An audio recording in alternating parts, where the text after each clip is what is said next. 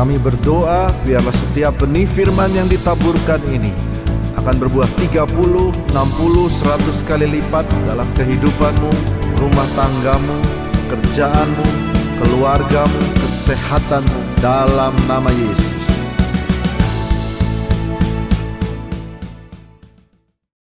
Firman Tuhan, Father God, part yang kedua, ya, part yang kedua.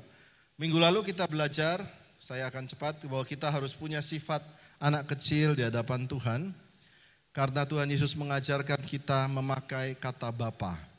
Tuhan Yesus mengajarkan, pengikut Kristus diajarkan oleh Tuhan Yesus untuk memanggil Tuhan dengan nama Bapa, bahkan selalu dia berkata sampai 132 kali dalam Injil dia selalu menyebut Tuhan dengan kata Bapa.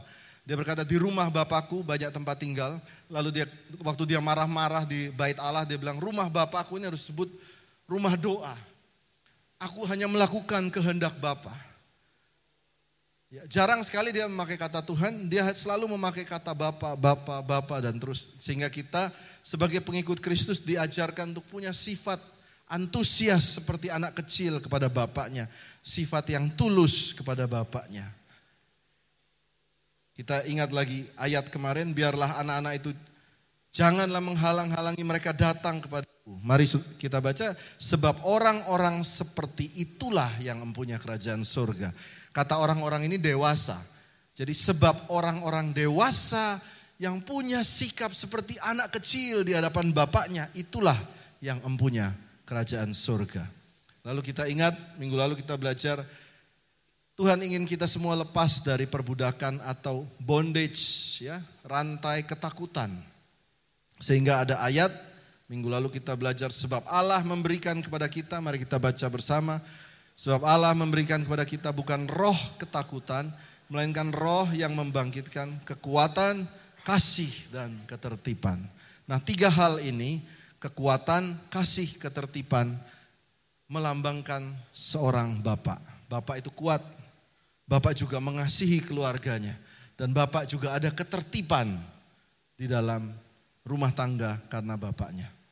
Ya mungkin di sini ada siapa yang saya kenal, misalnya ada Michael, mungkin anak-anak nakal di rumahnya Michael anaknya tiga. Ya kalau mamanya marah, ya masih marah. Tetapi kalau bapaknya sudah marah, itu ada ketertiban di situ. Lebih bahaya kalau bapaknya yang marah. Jadi ketertiban, kasih, kekuatan melambangkan kekuatan bapak kita dan itu melenyapkan ketakutan. Lalu minggu lalu kita belajar tentang ini yang kita akan bahas berani meminta kepada bapaknya. Mari kita masuk dalam firman Tuhan. Lukas 11 ya, Lukas 11 ayat 5 sampai 7. Mari kita baca bersama-sama ya. Lalu katanya 1 2 3, lalu katanya kepada mereka, jika seorang di antara kamu pada tengah malam pergi ke rumah seorang sahabatnya dan berkata kepadanya, "Saudara, pinjamkanlah kepadaku tiga roti." Oke, saya ulang lagi ya. Ada orang pada tengah malam datang ke rumahnya Michael atau datang ke rumahnya Wiga, rumahnya Juni. Oke. Rumahnya Ibu Erna, ibu rumahnya Ibu Elizabeth. Lalu mau pinjem tiga roti. Tiga roti. Ayat 6, sebab seorang sahabatku sedang berada dalam perjalanan, singgah ke rumahku dan aku tidak punya apa-apa untuk dihidangkan kepadanya. Masakan ia yang dalam rumah itu akan menjawab, jangan ganggu aku, pintu sudah tertutup, aku serta anak anakku sudah tidur, aku tidak dapat bangun dan memberikannya kepada saudara. Oke, kalau saya datang ke rumahnya Michael, coba boleh angkat tangan, mau pinjem tiga roti ke rumah Bu Elizabeth, boleh angkat tangan Bu? Ya, Bu Elizabeth sama Wiga. Coba boleh angkat tangan Wiga, tiga orang. Kalau saya mau pinjam tiga roti, karena ada tamunya datang satu. Lihat ya baik-baik ya. Tamunya datang ke rumahnya, kenapa dia minta tiga? Karena kalau kasih satu kekecilan. Gak enak kalau kasih tamu pas-pasan. Ya saudara pernah kan ada tamu datang ke rumah, ya Pak ini roti satu gitu kecil. Kan enggak, saudara siapkan beberapa. Karena itu dia minta tiga. Nah ini saya tunjukkan di sini. Tiga. Satu. Dua. Tiga. Silakan Michael. Lumayan roti gulung coklat. Tiga roti. Ayo Wiga, Wiga. Tiga roti coklat. Tiga roti. Ibu Elizabeth. Ayan Bu. Dapat snack siang-siang. Ya, tiga roti. Hanya tiga.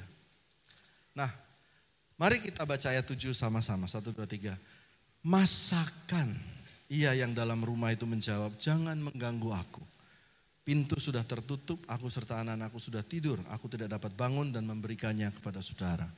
Nah, menurut saudara berat nggak tiga roti tadi? Berat nggak? Enggak ya Pak ya? Enggak berat. Enggak berat kan? Bapak Ibu, berat apa tidak? Tidak berat loh, roti tiga biji. Nah, saya mau membangkitkan iman saudara. Tadi pagi saya cerita, tahukah PBN Indonesia itu berapa ribu triliun? Betul ya? beberapa ribu triliun. Tahukah saudara itu baru dunia? Saudara lihat saham Bank BCA nilainya 1100 T. Itu dunia. Tuhan ini yang empunya emas dan perak, berlian dan seluruh isinya. Lalu saudara minta, Bapak, tolong uang sekolah anakku. Saya baca ayat 7. Masakan dia tidak memberi. Sampai sini nangkep saudara. Masakan dia tidak memberi. Emang berat buat Tuhan nolong uang sekolah. Buat saudara yang berkata, Tuhan saya perlu rumah, saya ngontrak terus. Saudara minta kepada Tuhan, saya mau kasih tahu ayat ini berkata, masakan.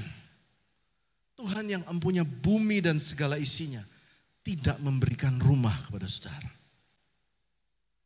Tuhan saya perlu pasangan hidup masakan.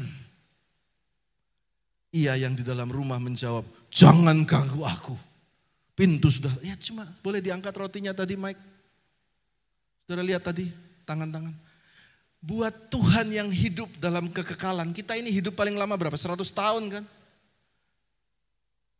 Dengan segala keperluan kita itu kecil buat Tuhan. Mari katakan bersama saya, masakan. Masakan ia tidak memberinya bagi anak-anaknya. Baik, kita lanjutkan. Nanti kita akan pelan-pelan mengerti akan prinsip Bapak ini. Mari kita lihat ayat selanjutnya. Aku berkata kepadamu, Sekalipun ia tidak mau bangun dan memberikannya kepadanya, karena orang itu adalah sahabatnya, namun karena sikapnya yang tidak mau itu, ia akan bangun juga dan memberikan kepadanya apa yang diperlukan. Mari ayat 9 baca sama saya. Oleh karena itu aku berkata kepadamu, mintalah maka akan diberikan kepadamu. Carilah maka kamu akan mendapat, ketoklah maka pintu akan dibukakan bagimu. Karena setiap orang yang meminta menerima, setiap orang yang mencari mendapat, setiap yang mengetok baginya pintu dibukakan. Ayat 11, Bapak mana di antara kamu jika anaknya minta ikan, akan memberi ular kepada anaknya itu ganti ikan. Atau jika ia minta telur akan memberikan kepadanya kala jengking. Jadi jika kamu yang jahat tahu memberi pemberian yang baik pada anak-anakmu, apalagi Bapakmu yang di surga ia akan memberikan roh kudus kepada mereka yang meminta kepadanya. Katakan amin. Kita lihat minggu lalu kita sudah bahas, saya mau ulang lagi. Kita lihat ayat ini, aku berkata kepadamu sekalipun ia tidak mau bangun dan memberikan kepadanya karena orang itu adalah sahabatnya, namun karena sikapnya yang tidak malu itu, ia akan bangun juga dan memberikan kepadanya apa yang diperlukannya. Kita lihat lagi pelan-pelan kata yang tidak malu. Itu bahasa Yunaninya adalah anaideia. Kata anaideia itu sekarang diterjemahkan sering diterjemahkan persistence. Padahal dulu aslinya adalah shamelessness, malu. Kata anaideia itu artinya malu. Sebagai contoh, apabila seorang datang, ini tradisi di Timur Tengah, di Israel pada waktu itu, ada tamu datang ke sebuah village, ke sebuah desa. Lalu di desa itu tamu itu perlu tiga buah roti. Dan orang ini minta kepada salah satu pemilik rumah cuma tiga roti. Tapi kalau bes dia tidak memberikannya tiga roti kecil ini, maka besoknya di seluruh desa itu akan berbicaralah gosip bahwa bapak itu pelit. Jadi dia malu. Itu disebut malu. Jadi dia harus memberi. Jadi waktu saudara minta kepada Tuhan sesuatu yang saudara butuhkan, kalau kita percaya kepada Bapak, anaknya tidak diberi, yang malu siapa? Bapaknya. Mari kita lihat ayat ini. Aku berkata kepadamu sekalipun ia tidak mau bangun dan memberikan kepadanya karena orang itulah sahabatnya, namun karena sikapnya yang tidak malu itu, ia akan bangun dan memberikan kepadanya apa yang diperlukannya. Saudara lihat struktur ayat ini, ada tiga struktur. A, aku berkata kepadamu, sekalipun ia tidak mau bangun. Ini artinya orang yang di dalam rumah. Dan memberikan kepadanya karena orang itu adalah sahabatnya. Ini yang pertama. Dua, B, namun karena sikapnya yang tidak malu itu, Orang yang sama juga, orang yang di dalam rumah. Ia akan bangun juga dan memberikan kepadanya. Jadi struktur A, B, C adalah orang yang sama. Jadi di sini Yesus mengajarkan, inilah perumpamaan yang Tuhan Yesus ajarkan. Kalau kita minta kepada Bapa dan Bapak tidak bisa memberikannya, yang malu Bapaknya. Ini anak saya. Coba Joy. Ini oke, okay, dia malu. Oke. Okay. Hai Joy. Ini anak saya. Kalau dia di jalan terus kayak lusuh gitu. Kayak belum makan gitu ya. Berantakan terus tanya, "Kamu belum makan ya? Anaknya siapa kamu?" Oh, anaknya Pak Albert. Yang malu siapa? Bapaknya. Michael atau Wiga, Michael ada Pael, Jalan-jalan di tengah jalan, bajunya berantakan, kayak belum mandi. Kamu anaknya siapa? Anaknya Pak Michael. Malu nggak bapaknya? Demikian juga Marvel. Betul kan? Yang malu bapak mamanya kan? Sampai sini sudah nangkep? Nah, mari kita lihat sifat Allah seperti ini. Saya mau tunjukkan ya, ada ayat. Mari kita baca ayat ini. Mazmur 23 ayat 3. Mari kita baca 1, 2, 3. Ia menyegarkan jiwaku, ia menuntun aku di jalan yang benar. For my name's sake, bahasa Inggrisnya. Karena namaku. Karena namaku.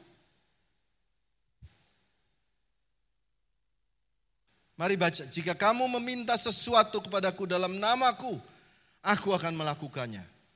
Saudara kalau usir setan dalam nama Yesus, dalam nama Yesus setan keluar. Keluar nggak setannya?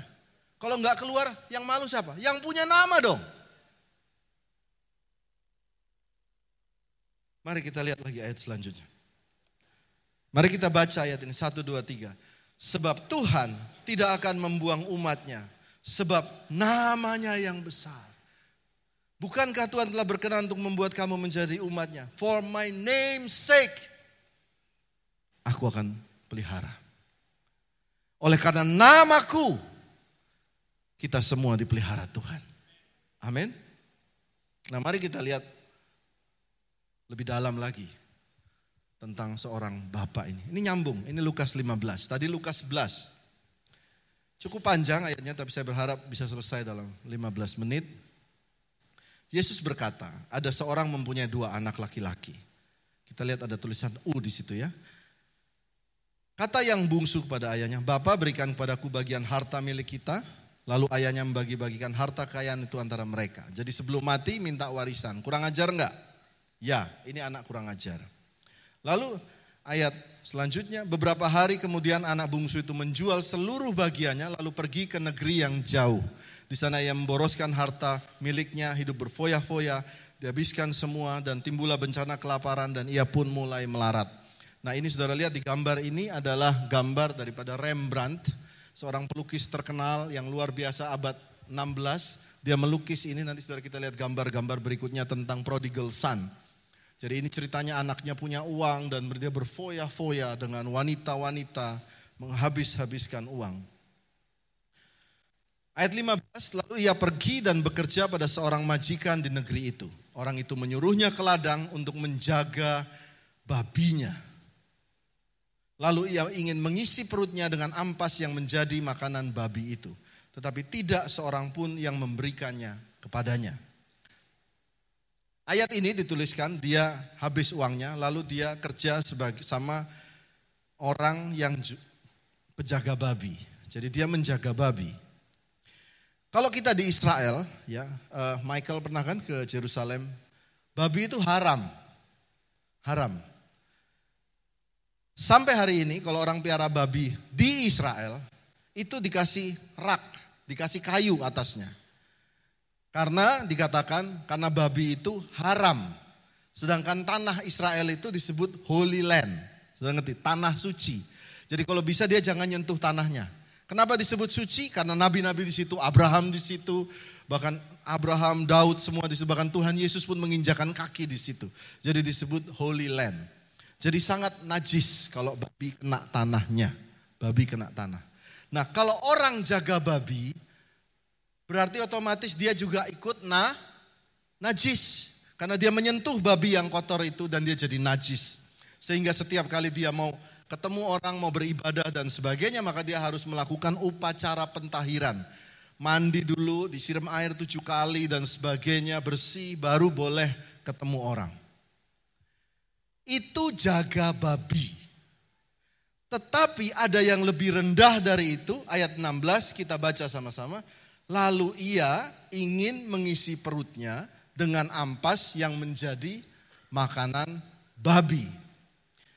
Ini level lebih rendah karena dia mau makan makanan babi.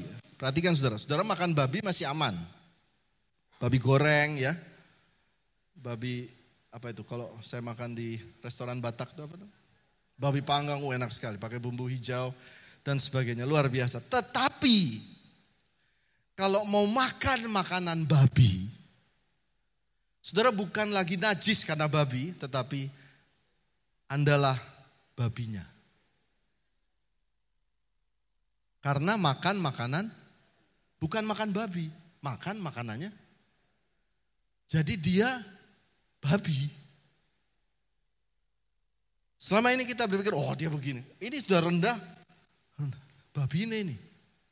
Kayak babi. Gitu. Nah, lalu ia menyadari keadaannya, betapa banyaknya orang upahan bapakku berlimpah-limpah makanan Aku akan bangkit kepada Bapakku dan berkata, aku telah berdosa terhadap sorga, terhadap Bapa. Dan aku tidak layak disebutkan anak Bapa. Jadikan aku sebagai salah seorang upahan Bapa. Dia udah siap diri, dia mau pulang. Dia berkata mau minta ampun. Dan saudara perhatikan kata aku jadi upahan Bapa. Lihat baik-baik. Dari dulu sampai hari ini ada dua jenis orang kerja. Sampai hari ini masih sama ada karyawan upahan itu kerjanya pagi sampai sore ya kalau misalnya di di asisten rumah tangga ada yang dia masuk pagi pulang sore. Ada juga yang dia lebih dekat dengan pemilik rumah, dia tidur di situ, tinggal di situ. Betul ya? Zaman dulu juga sama. Jadi anak ini udah tahu posisinya, dia bilang biar saya jadi orang upahan. Jadi saya jangan di rumah, saya di luar. Saya datang di luar ngurusin ini, saya nggak masuk rumah. Jadi dia sudah siap dengan itu. Maka bangkitlah ia pergi kepada bapaknya ketika ia masih jauh, ayahnya telah melihatnya. Lalu tergeraklah hatinya oleh belas kasihan ayah itu berlari mendapatkan dia, merangkul dia. Oke, waktu saya tinggal 8 menit, saya minta teman-teman yang drama tadi bisa Ayo. Halo. Bapak yang baik. Oke. Ya. Oke, ini bapaknya. Di dalam tradisi Yahudi, saya pelan-pelan supaya kita semua nangkep firman ini. Ada yang namanya, saudara ingat tadi saya cerita tentang desa ya? Tadi ingat cerita tentang desa, yang malu bapaknya kalau malu, kalau nggak dikasih tiga roti. Nah, Kalau ada cerita tentang anak yang durhaka, menghabiskan uang bapaknya berfoya-foya dengan pelacur, bikin semuanya jadi miskin, minta warisan sebelum waktunya, kurang ajar gitu ya. Lalu dia pulang kembali ke desanya, kembali ke desanya. Maka ketua desa, kepala desa, ketua adat di situ, bersama dengan orang tuanya, dikatakan akan melihat dia di pintu gerbang daripada desa, mengambil sebuah pot tanah Namanya upacara ini kesasah. Saudara bisa lihat di internet itu ada semua namanya kezasah. Upacara itu ketua adat kepala desa akan mengangkat sebuah pot. Pot bersama dengan bapaknya. Dia lihat anak ini, dia banting. Dan dia berkata, mulai hari ini bersama dengan pot ini terjatuh di tanah. Kamu tidak ada hubungan lagi dengan nama keluarga kita dan nama desa kita. Kisah sah. Mengerikan ya. Saudara mengerti setelah saudara dengar cerita ini, oke sekarang kamu mundur ke situ. Coba mau jalan, ya terus terus terus ke lampu. Baru saudara mengerti ayat ini. Eh, jangan kejauhan mas. Jangan kejauhan. Oke situ aja. Mari baca dengan saya 20. Saudara bantu saya ya. Maka bangkitlah ia dan pergi kepada bapaknya. Ketika ia masih jauh, stop. Gimana kalau masih jauh? Ayo, ayo videonya mana? Ya, coba nyari. Ya. Ketika ia masih jauh, bapaknya melihatnya. Oke. Kenapa bapaknya tiap hari melihat? Karena bapaknya takut. Kalau keduluan ketua adat Malu semua keluarga dan malu dia. Jadi setiap dia tunggu, dia tunggu. Jangan keduluan ketua adat. Oke, kembali ke ayatnya. Ketika ayahnya telah melihatnya, lalu tergeraklah hatinya oleh belas kasihan. Ayahnya itu berlari mendapatkan dia, merangkul dan mencium dia. Oke, lari.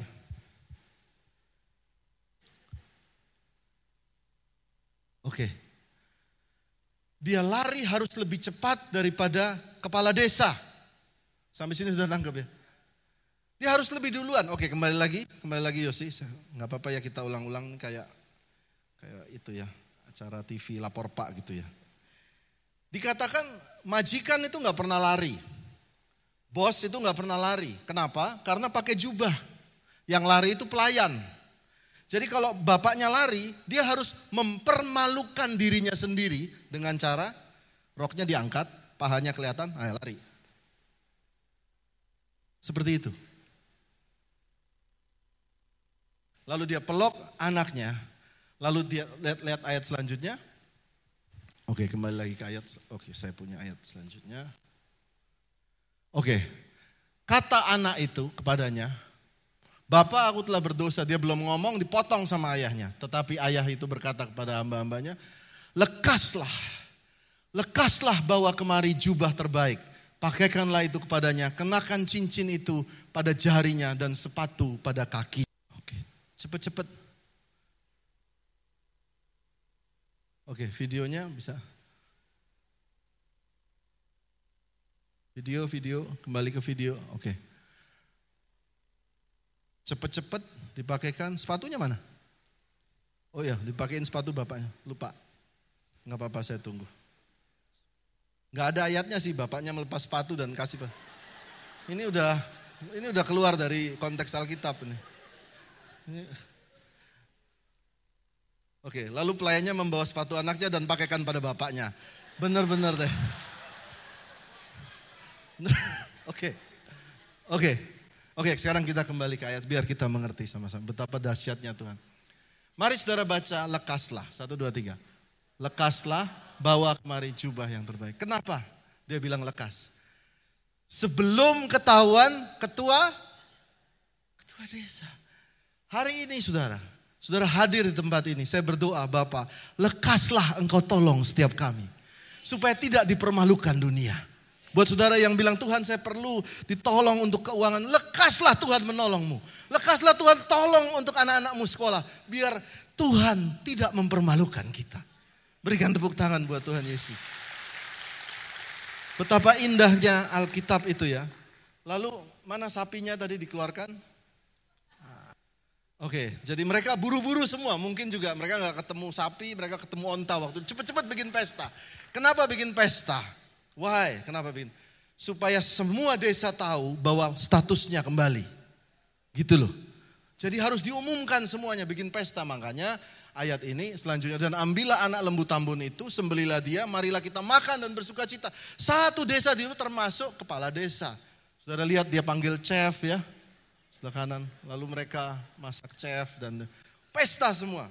Nah, saudara lihat, saya ngomong ini semua berdasarkan research atau tidak. Kita lihat ayat tadi. Oke, saudara lihat gambar ini. Bapaknya peluk anaknya, betul ya? Ini ditulis oleh Rembrandt lukisan Rembrandt yang sangat mahal. 400 tahun yang lalu. Saudara lihat ada figur di sebelah bapaknya itu seperti seorang ibu. Itu mamanya. Saudara lihat yang tangannya begini itu kakaknya. Lihat ya. Yang tangannya lihat apaan sih ini dari mana sih lo gitu. Yang marah ya. Saudara lihat siapa figur di tengah. Yang seperti orang kaya pakai topi itu. Sudah tahu siapa? itu kepala desanya. Tapi sebelum penghakiman, iblis berkata kamu dosamu, kamu hancur hidupmu. Bapak duluan bikin pesta. Berikan tepuk tangan buat Tuhan Yesus. Dia dipermalukan dulu di atas kayu salib sambil telanjang buat kita semua. Sudah diberkati firman Tuhan. Kita lanjutkan ya. Udah kayaknya, udah. Oke, dibawa sapinya ya. Oke. Kita baca ayat ini, tetapi ayo kita lihat ini terakhir teman-teman pemusik boleh. Tetapi anaknya yang sulung berada di ladang, ketika ia pulang dan dekat ke rumah ia mendengar bunyi seruling dan nyanyian tari-tarian. Lalu ia memanggil salah seorang hamba dan bertanya kepadanya apa arti semuanya itu. Jawab hamba itu, adikmu telah kembali dan ayahmu telah potong sapi, maka marahlah anak sulung itu. Mari baca sama saya 28 1 2 3. Maka marahlah anak sulung itu tidak mau masuk. Lalu ayahnya keluar dan berbicara dengan dia. Oke. Dengar baik-baik ini Saudara. Anak sulung itu marah dan tidak mau masuk. Oke, sekarang saya tanya. Pak Tambu Bolon, Pak Tambu Bolon ini senior gereja kami, beliau sudah menikah. Berapa tahun Pak? Empat, Berapa? 40 tahun menikah. Kalau satu hari Pak Tambu Bolon, tentunya anak-anak kan sudah menikah semua ya. Kalau dia bikin pesta untuk anaknya menikah, ada Pak ada Pak Riki, ada Pak Niko yang menikah begitu ya. Lalu satu anak marah dan gak mau datang ke pesta, kurang ajar nggak? Bapak bilang kurang ajar. Dan menurut tradisi Timur Tengah, kalau anak tidak mau ke pesta yang dibuat oleh bapaknya, itu sama kurang ajarnya dengan si anak yang tadi itu. Sama, nggak tahu diri. Yang pesta bapaknya, yang bikin kasih keluarin uang ya bapaknya, semuanya bapak, tapi dia nggak mau datang. Itu dia tidak menghormati akan desa itu dan dia tidak menghormati akan bapaknya. Sama. Tapi kita lihat lagi sekali lagi apa yang bapak ini lakukan. Saudara lihat, baca sama saya. Ayahnya keluar. Sekali lagi ayahnya lari keluar. Dua kali lah. Yang pertama buat anak bungsu, yang kedua anak sulung. Buat apa dia keluar? Supaya keluarganya nggak malu. Dia ngomong dulu. Apa yang dia omong? Saya mau saudara ngerti ini. Telah bertahun-tahun anaknya bilang, aku melayani Bapak, kita ke gereja terus, menjaga hidup, nggak berdosa, nggak berbuat zina, saya setia sama istri, saya kasih persembahan. Tapi kenapa orang yang berdosa itu lebih diberkati? Anak sulung kan? Kenapa yang anak berdosa itu diberkati? Pakai trompet, teretete, teretete, ke the club. Saya ke gereja, kenapa gak diberkati? Baru saja dia memboroskan harta kekayaan Bapak bersama pelacur-pelacur. Bapak sembeli sapi buat dia. Saya. Dan kata ayahnya kepadanya. Mari baca sama saya. Kata ayahnya kepadanya. Anakku, engkau selalu bersama-sama dengan aku. Segala kepunyaanku adalah kepunyaanmu. Lalu dia bilang begini. Oh udah habis. Segala kepunyaanku adalah kepunyaanmu. Kata anakku di sini. Ya, ya ini terakhir. Kata anakku di sini pakai bahasa Yunani teknon. Ini menarik. Teknon itu adalah bahasa sayang di rumah. Saya punya putri namanya Joy. Tapi kalau saya suka panggil sayang sama dia, saya panggil dia Lenglong. Saya nggak tahu artinya juga apa. I just suka sebutan-sebutan aja. Lenglong mana? Kadang-kadang saya panggil dia kau-kau. Sebutan sayang. Buat orang Jawa dia bilang, orang Batak dia bilang, nak, nak. Kalau Michael panggil Rafael, panggilan sayang bilang apa? Pael. Nah ini kata teknon itu artinya, nak, dia mau kasih tahu begini, jangan lihat dia, Aku juga punya rencana buat kamu. I have my own plan. Saya punya rencana masa depan buat kamu. Nah, lihat baik-baik apa bedanya. Saya mundur. Saya mundur. Waktu anak bungsu itu ketemu bapaknya, kata anak itu pakai kata uihos. Uihos itu anak secara struktur. Misalnya Albert punya anak Joy, Joy nanti punya anak ini. Itu struktur semua. Bahasa struktur. Keturunan Yesus, saudara kata uihos, keturunan Yesus, Daud memperanakan ini itu pakai uihos semua. Tetapi kata teknon itu nak. Nak. Lihat ya, saudara lihat. Saya mundur lagi. Yesus berkata ada seorang mempunyai dua anak. Itu pakai kata uihos. Struktur. Dia bicara buat yang dosa, dia kasih pesta. Tapi secara struktur dia lebih dekat kepada yang sulung. Saudara lihat yang sulung. Saudara lihat di sini dia berkata apa? Nah, aku lebih mengasihi engkau. Segala yang kumiliki adalah kepunyaanmu. Taruhan berapa? Anak sulung akhirnya ikut masuk ke dalam pesta. Saudara lihat yang menarik di sini. Saya sambungkan dengan ayat yang sebelumnya tadi tentang saya mundur, mundur, mundur, mundur, mundur, mundur. Ya, itu tadi kita ketemu lagi. Mari baca bersama saya ayat 13. Jadi, jika kamu yang jahat tahu memberi pemberian yang baik kepada anak-anakmu. Itu dipakai bahasa teknon. Apalagi Bapakmu yang di surga. Jadi hari ini kita minta sama Bapak Bapak penuh kasih buat kita. Mari kita bangkit berdiri, kita berikan tepuk tangan buat Tuhan Yesus. Mari kita ungkapkan kiranya. Tuhan berkenan. Memberkati rumah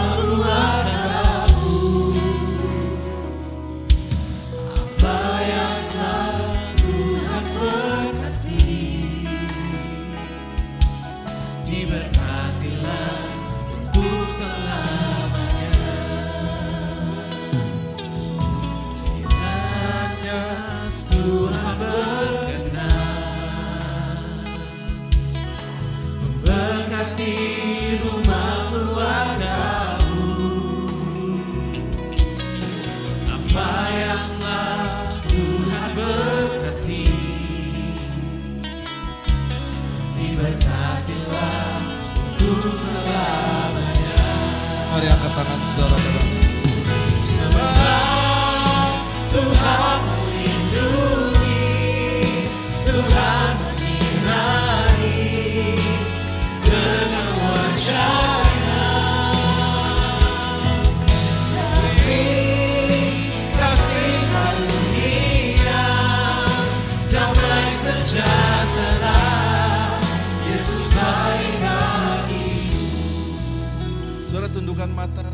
saya mau ibadah, Tuhan berkata, harus tanya kepada jemaat, siapa yang sedang keras hati?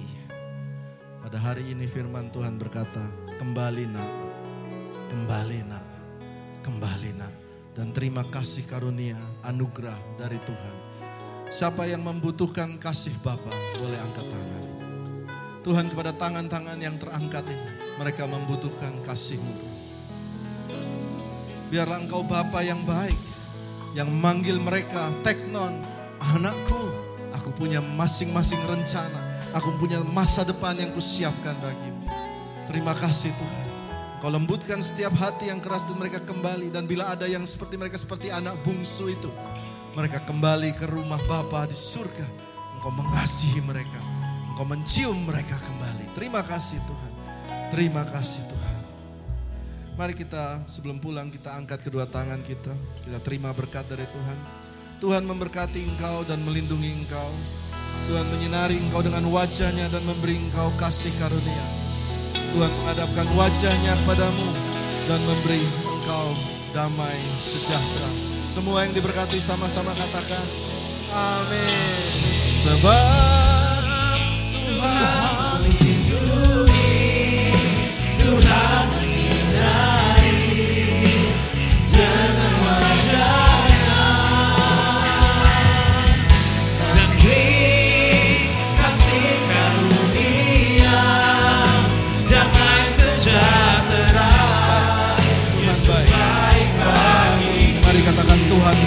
Tuhan baik.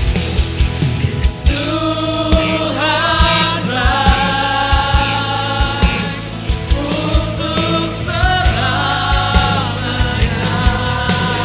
Berkatnya melimpah seumur hidup. Taruh tangan dada saudara. Seumur hidupmu.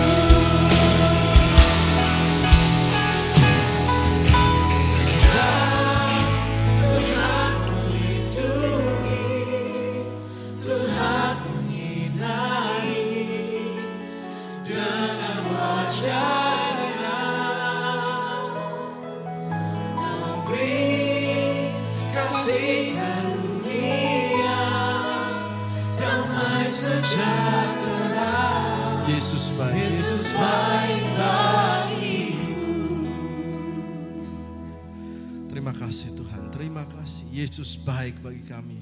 Bapa kami baik bagi kami. Semua yang terima berkat sama-sama katakan. Amin. Silakan duduk saudara.